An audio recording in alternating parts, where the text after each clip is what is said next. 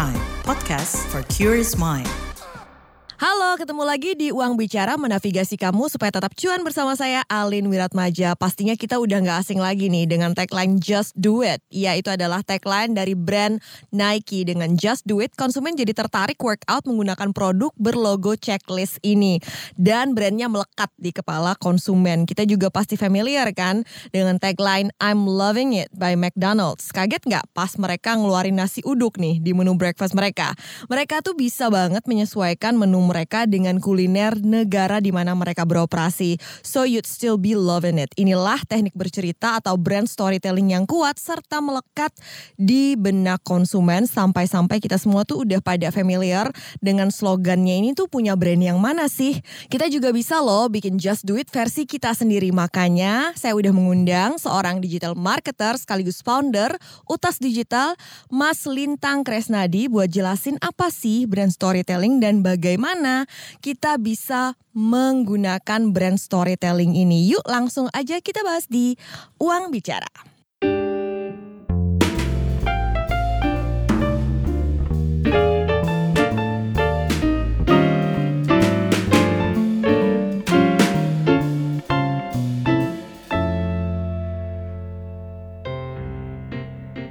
Halo sahabat, podcast Uang Bicara hari ini kita bakal ngobrolin soal brand storytelling. Sebenarnya gimana sih brand storytelling ini dan apa signifikansinya? Kenapa kita bisa pakai metode ini untuk brand kita.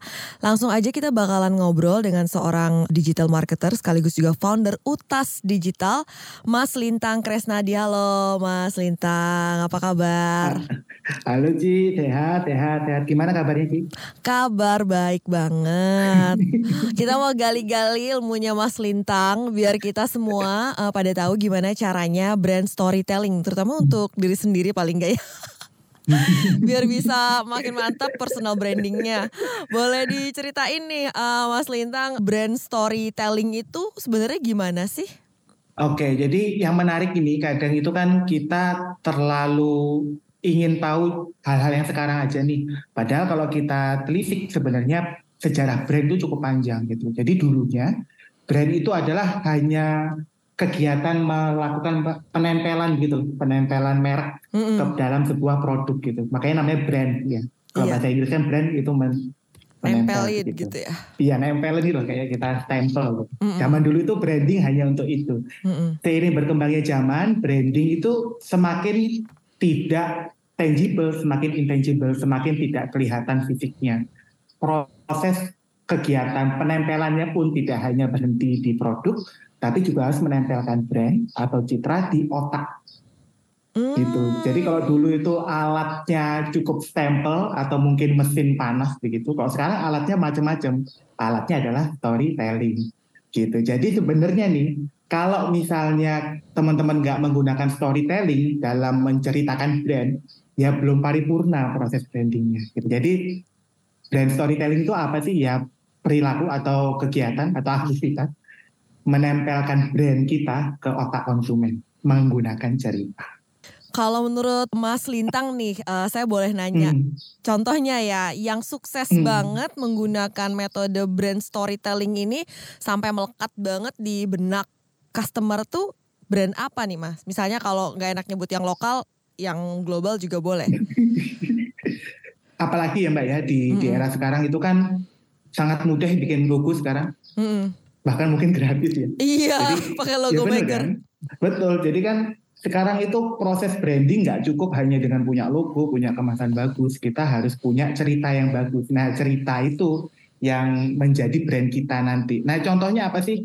Paling mudah gini aja deh. Ah, pernah dengar merek HP Infinix nggak? Ada nggak ya? Kalau merek HP Xiaomi pernah dengar? Iya, denger dong. Oh, bener dong. Nah, levelnya sama padahal, sama-sama dari China, levelnya juga sama-sama HP murah dengan spek tinggi. Tapi kenapa yang masuk ke telinganya Cialin ini yang Xiaomi kira-kira? Karena Xiaomi ini nyampe ceritanya ke saya duluan ya. Maksudnya ke Indonesia ya? Iya, betul. Tapi sebenarnya kalau kita telisik ke strategi penceritaan brandnya, Xiaomi dia lebih jelas dalam menceritakan brand karena dibandingkan dengan HP Infinix yang sama-sama dari Cina, sama-sama besar juga sebenarnya. Cuman Xiaomi lebih bagus dalam branding. Kenapa? Karena Xiaomi itu punya cerita yang namanya dia tidak akan mengambil keuntungan lebih dari 5%. Nah, itu kan mm-hmm. jadi ini kesalahan kita dalam membangun brand biasanya. Kita kan membangun brand itu selalu memposisikan brand kita sebagai jagoannya ya, paling sering ya. Mm-hmm. Kita personal branding, kita posisikan diri sebagai jagoan kan mm-hmm. gitu. Padahal strategi branding yang paling benar kita itu meletakkan konsumen sebagai jagoan. Gitu, oh. itu yang dilakukan oleh Xiaomi. Jadi Xiaomi itu meletakkan konsumennya yang memang nggak punya dana lebih, yang nggak punya nggak punya budget lebih untuk beli HP gitu ya. Mereka jagoannya dengan saya berikan caranya dengan beli HP Xiaomi ini gitu. Jadi tetap bisa ngegame lancar, kamu tetap bisa jadi jagoan di game gitu dengan HP Xiaomi yang murah gitu. Kamu tetap bisa mengejar karirmu di Zoom dan lain-lain dengan, dengan semua aplikasi yang ada di Xiaomi hanya dengan HP Xiaomi yang murah ini gitu. kamu jagoan gitu. Iya betul. Itu kenapa Xiaomi dia lebih lebih bagus secara story brand ya dibandingkan Infinix gitu. Belum lagi kalau kita naikin, misal kenapa kok Samsung sama Apple lebih kerasa mewahnya Apple gitu dibanding Samsung. Kenapa lanjutin ceritanya ya, menarik? Ya benar. ya karena memang ada cerita gitu. Bahkan hmm. memang kalau kalau kita mau telisik lebih jauh ya, Steve Jobs itu adalah seorang pencerita ulung begitu. Hmm. Gitu. Karena dan lagi Apple itu kalau diperhatikan ya konten-kontennya itu dia meletakkan penggunanya sebagai jagoannya gitu. Tidak meletakkan Apple sebagai jagoannya. Contoh gini, kita membranding Apple dengan Apple adalah produk dengan teknologi tinggi, dengan desain terbaik, dengan dengan spek nomor satu dipakai hmm. oleh jutaan orang di dunia gitu. Hmm. Nah itu kan peletakan cerita yang salah. Hmm. Nah posisian brandingnya Apple itu agak beda. Dia itu memposisikan si uh, konsumennya dulu gitu. Konsumen pekerja kreatif, uh, pusing setiap hari dia ingin bekerja kreatif, ingin masuk ke dunia kreatif, dia akhirnya memakai Apple untuk memudahkan kerjaannya dia hmm. di industri kreatif sehingga dia terlihat keren hmm. atau orang belum sehat dia ingin memulai gaya hidup sehat dia pakai Apple untuk ada fitur yang membantu kesehatannya dia supaya dia terlihat lebih sehat sambil terlihat trendy di waktu yang bersamaan gitu ya jadi yang paling bagus tuh brand kita taruh sebagai bukan pahlawannya tapi konsumennya sebagai pahlawan apalagi sih kenapa sih brand-brand itu perlu memperhatikan ini loh, this is how you tell the story of your brand, this is how you should do it gitu. Dunia itu kan semakin berkembang, masyarakat tuh semakin resisten terhadap iklan gitu. Semakin lama iklan tuh semakin nggak relevan gitu. Saya yakin kita semua sudah terpapar iklan mungkin ratusan iklan kali hingga jam segini. Tapi saya yakin kan dari ratusan iklan itu tidak ada yang kita lakukan pembelian ya. Karena kita cukup resisten terhadap iklan. Nah, hmm. apa yang kita tidak resisten ke apa ya relevansi. Kita selalu selalu ingin menjalin relevansi atau men mencari kesamaan, mencari kesamaan, mencari komunitas yang serupa, mencari orang-orang yang mirip gitu. Nah, sebenarnya brand storytelling adalah langkah pertama untuk menunjukkan kepada calon konsumen kalau kita itu berada di pihak mereka, kita itu berada di circle-nya mereka. Nah itu nggak bisa disampaikan hanya dengan logo, hanya dengan kemasan, harus dengan cerita. Gitu. Nah tentu tidak bisa hanya dengan cerita. Memang kalau strategi marketing kan ada strategi yang organik, ada yang harus berbayar gitu. Memang pada pada masanya kita harus melakukan dua-duanya secara bersamaan.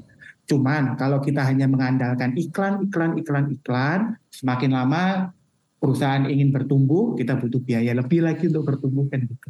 Nah kalau kita bangun ceritanya, kita bangun brandnya, kita bangun ikatannya dengan calon konsumen, dengan story, dengan storytelling, semakin lama biaya iklan kita akan semakin turun atau bahkan tidak perlu beriklan sama sekali orang sudah siap membeli produk kita karena merasa relevan, merasa produk ini punyanya dia, mirip dia dan untuk dia mencari relevansi kita ingin membangun ikatan bonding mm -hmm. nih dengan mm -hmm. sasaran pangsa pasar kita. Nah, kalau mm -hmm.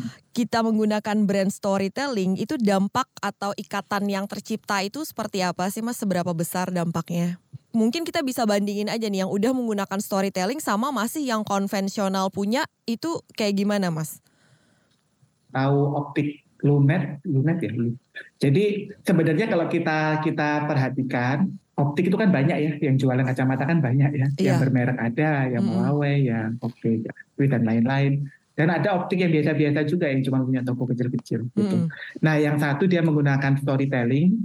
Jadi boleh deh dicek deh di TikToknya Optik Lunet ya. Gitu. Mm. Itu bagus banget. Jadi yang satu dia menceritakan tentang keluh kesahnya dia menggunakan kacamata gitu. Jadi membangun kedekatan dulu, ya imbang dulu membangun, membangun kedekatan dengan konten yang relevan. Hasilnya pun meledak gitu. Nah kita kan nggak pernah tahu omsetnya berapa, tapi jelas orang lebih kenal optik lunet daripada optik mungkin mega yang sebelah rumah saya atau mungkin optik yang kecil-kecil yang lain gitu. Jadi kekuatan storytelling itu cukup besar, besar banget bahkan gitu. Dan bahkan nanti storytelling ini yang akan menggantikan iklan kita di masa depan.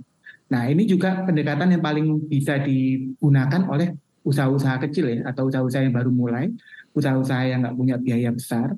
Kalau teman-teman usaha kecil langsung beriklan, itu kan kita langsung bertanding satu lawan satu ya dengan perusahaan besar yang budget iklannya nggak terbatas nih. Mm. Tentu kita nggak bisa menang lah kalau kita cuma mau iklan Mm-mm. iklan di platform yang sama. Mm. Nah, di storytelling atau di konten, konten yang menggunakan storytelling itu, kita punya peluang lebih besar untuk menjangkau orang yang relevan dengan biaya yang jauh lebih murah gitu. Nah, itu sudah jelas penting banget sih sebenarnya untuk usaha apa. Iya sebenarnya jadi ini tuh kalau kita bisa menggunakan brand storytelling dengan baik kita nggak usah Hmm. pusing lagi dengan budget eh, marketing atau promo Hmm. kayak gitu ya Mas Hmm. ya. Hmm. Dan ini Hmm. tentunya kalau buat pelaku usaha kecil dan menengah atau mikro juga ini kan berarti sangat bagus. Jadi mereka Hmm. eh, uang itu benar-benar bisa lebih efisien untuk kembangin bisnis Hmm. mereka. Tapi gimana Mas kasih dong tipsnya gimana sebuah brand bisa bangun storytelling tanpa harus bayar influencer juga sebenarnya. They can do it by themselves. Where to start? How to start? Ini yang kita juga sering lupa karena ini namanya storytelling, berarti kita pakai struktur bercerita. Jadi Mm-mm. nggak boleh cuma belajar di marketing, kita belajar di ilmu film juga atau ilmu penulisan cerita gitu ya. Nah, yang paling dasar dari ilmu penulisan cerita itu kan ada karakter. Kalau di marketing kan jadi persona ya. Mm-mm. Ada yang namanya karakter, ada yang namanya tujuan. Tiap persona kan selalu punya harapan, tujuan, Mhm. dan apa halangannya. Itu kuncinya itu aja. Jadi ada karakter, ada apa mimpi yang ingin dia capai, terus apa penghalangnya atau musuh utamanya. Nah, ini sebenarnya komponen utama dari cerita. Gitu. Nah, komponen ini yang harus kita sampaikan di setiap konten yang bisa kita buat. Gitu. Nah, karakternya tinggal dirubah menjadi persona. Setiap kita membuat strategi marketing kan selalu membuat sebelum persona kan segmenting dulu ya, segmenting, targeting, positioning, jadi persona kan. Nah, personanya itu kita ceritakan melalui teknik storytelling. Persona ini mau apa, musuhnya apa, brand kita punya solusinya. Persona ini mau mencapai tujuannya apa, masalahnya apa, brand kita solusinya gitu. Jadi sederhana sebenarnya cari karakternya, tujuannya apa, baru kita cari masalahnya apa, brand kita bisa kasih apa. Kurang lebih kayak gitu sebenarnya. Nah, masalahnya bisnis kecil atau mungkin bahkan bisnis besar nggak mau buang waktu ya untuk nyari personanya gitu. Pokoknya saya jual ke semua gitu. Pokoknya produk saya bisa dipakai cowok cewek semua usia gitu. Nah akhirnya susah membangun cerita. Orang dia personanya nggak punya, karakter utamanya tidak ada. Jadi Gitu. harus spesifik juga ya untuk karakter utama yang jadi bangunan storytelling kita ini.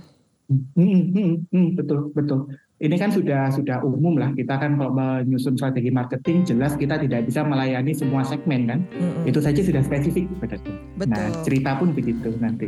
Itu dia digital marketer sekaligus founder Utas Digital Lintang Kresnadi yang udah ngejelasin apa itu brand storytelling. Masih ada obrolan menarik lain di bagian selanjutnya, so please jangan ke mana-mana tetap di Uang Bicara. Satu kata yang mendeskripsikan cinta, respect. jahat, selfless. komunikasi, Itu kata mereka soal cinta.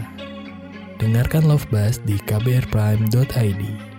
Tersedia juga di platform mendengarkan podcast lainnya. Love Buzz. Membicarakan perkara yang tidak dibicarakan ketika berbicara perkara cinta.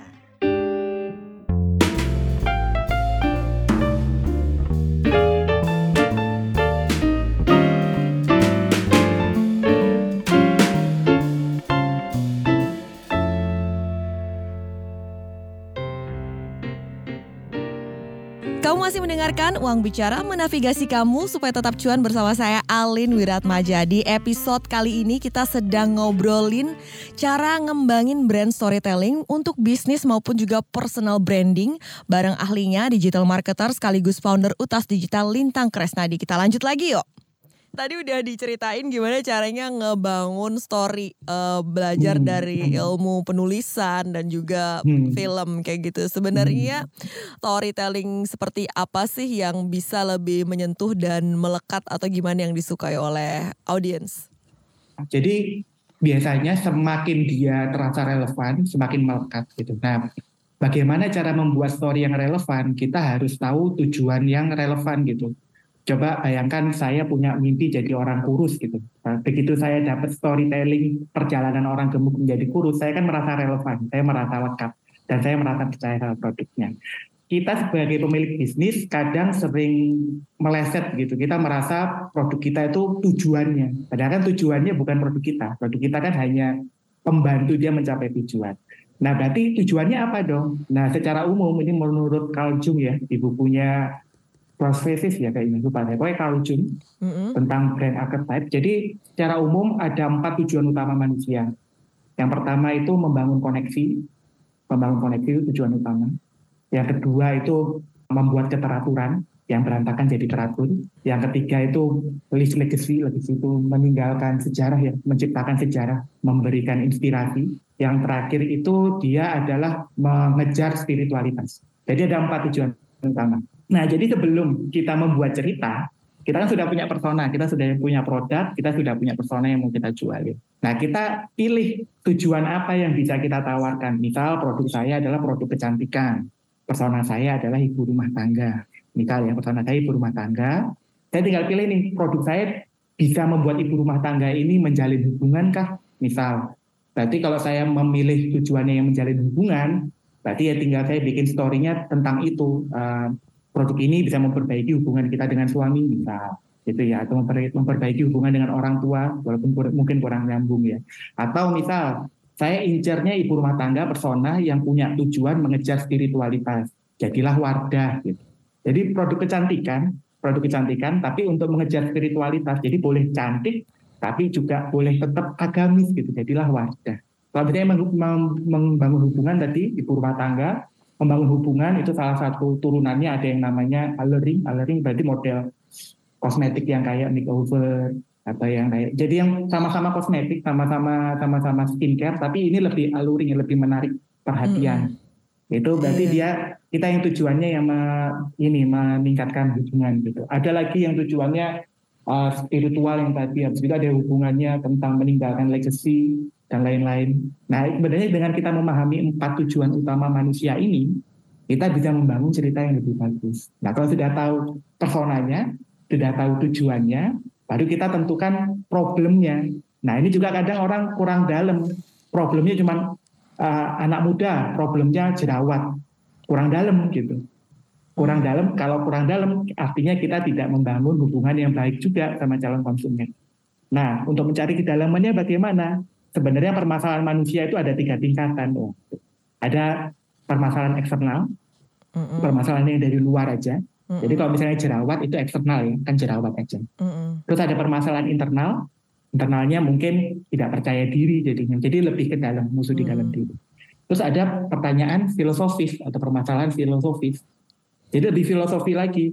Wah, kalau saya anak muda jerawatan berarti saya nggak pantas jadi anak muda gaul itu lebih filosofi lagi gitu jadi lebih dalam atau yeah. kalau misal eh, misal di sebuah perusahaan perusahaan permasalahan eksternalnya industri 5.0 permasalahan internalnya orang-orangnya udah tua-tua nggak bisa mengikuti perkembangan 5.0 gitu filosofisnya kalau misalnya perusahaannya bangkrut nih 3.000 karyawan, 5.000 karyawannya semuanya nggak nggak bisa kerja gitu. Itu kan lebih filosofis lebih kan. Mm. Nah, storytelling kita bahas semuanya. Nah, memang tidak semua tujuan dan tidak semua permasalahan bisa kita serang dalam satu konten. Nah itu makanya kita harus punya banyak konten, kita punya rencana cerita yang panjang, kita punya brand storytelling yang besar gitu untuk dipecah menjadi strategi konten satu persatu.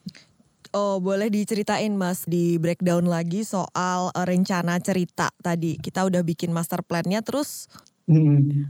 Jadi gini, ini ini buku bagus banget kalau uh, Jalin mau ikut. Namanya buku story brand. Bukunya dari buku impor tapi sudah ada bahasa Indonesia nya jadi pertama ya pertama yang kita perlu tentukan itu memang karakternya dulu. Mm-hmm. ya untuk untuk ceritanya untuk untuk struktur cerita. Pertama kita tentukan karakter tapi itu kita tentukan tujuannya yang empat tadi.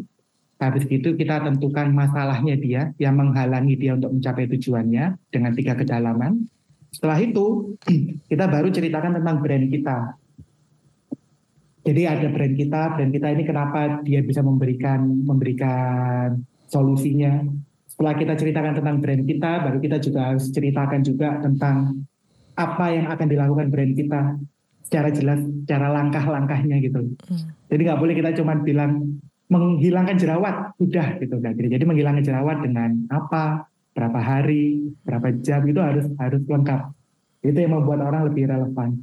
Nah, setelah itu juga di cerita kita harus berisi tentang sesuatu hal yang membuat si persona ini bergerak gitu. Jadi kita agak ajak dia entah CTA-nya, call to action-nya dan lain-lain agar dia terhindar dari masalah yang mungkin terjadi atau agar dia mendapatkan suatu hal yang dia mau gitu. Jadi kurang lebih ada delapan gitu, ada delapan poin. Hmm. Betul.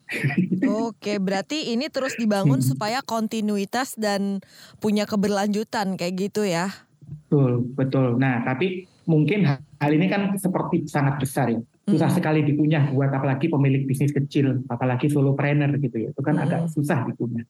Itu bakal jadi musuh dari konsistensinya kita gitu. Nah, mau sebagus apa pun ceritanya, kalau tidak kita sampaikan secara konsisten, nggak akan nyampe juga ke target market. Kuncinya selalu konsisten. Nah, terus gimana caranya konsisten kan gitu jadinya. Mm. Iya. Nah, konsisten, konsisten itu uh, lawan dari konsisten adalah kompleksitas gitu. Jadi selalu usahakan mulai dari yang sederhana, baru berangkat ke yang kompleks di kemudian hari. Kita sederhana dulu, incer konsistennya aja dulu. Ceritakan bisa setiap hari atau seminggu sekali, baru kita perbaiki terus, terus, terus, terus gitu. Wah, wah, wah, wah, bagus banget dari apa yang dipaparkan oleh Mas Lintang tadi berarti bisa banget ini untuk personal branding ya kita aplikasikan ke level individu untuk personal branding di sosial media tentunya ya. Apa sih Mas Lintang yang Mas Lintang temuin ini orang suka salah kaprah soal personal branding? Kalau tadi kan soal brand, uh, produk ya. Ya kurang lebih mirip juga Jadi mirip juga ya Betul, ke kesalahan utama kita nge-branding yang paling sering, yang paling sering ya selalu itu memposisikan diri sebagai yang paling ahli gitu. Iya. Saya, saya jagoannya nih, saya jagoannya nih, kamu nurut, kamu nurut, kamu nurut gitu. Kamu nurut apa kata saya gitu. Nah itu orang susah.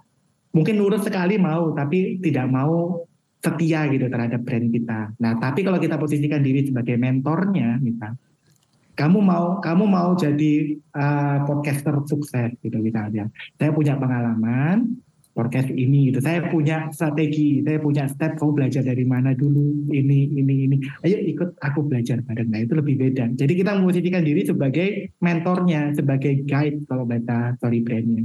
Hero-nya atau jagoannya tetap persona kita tetap follower kita tetap konsumen kita jagoannya. Tugas kita cuma membawa si jagoan itu menjadi uh, ya pemenangnya di akhir.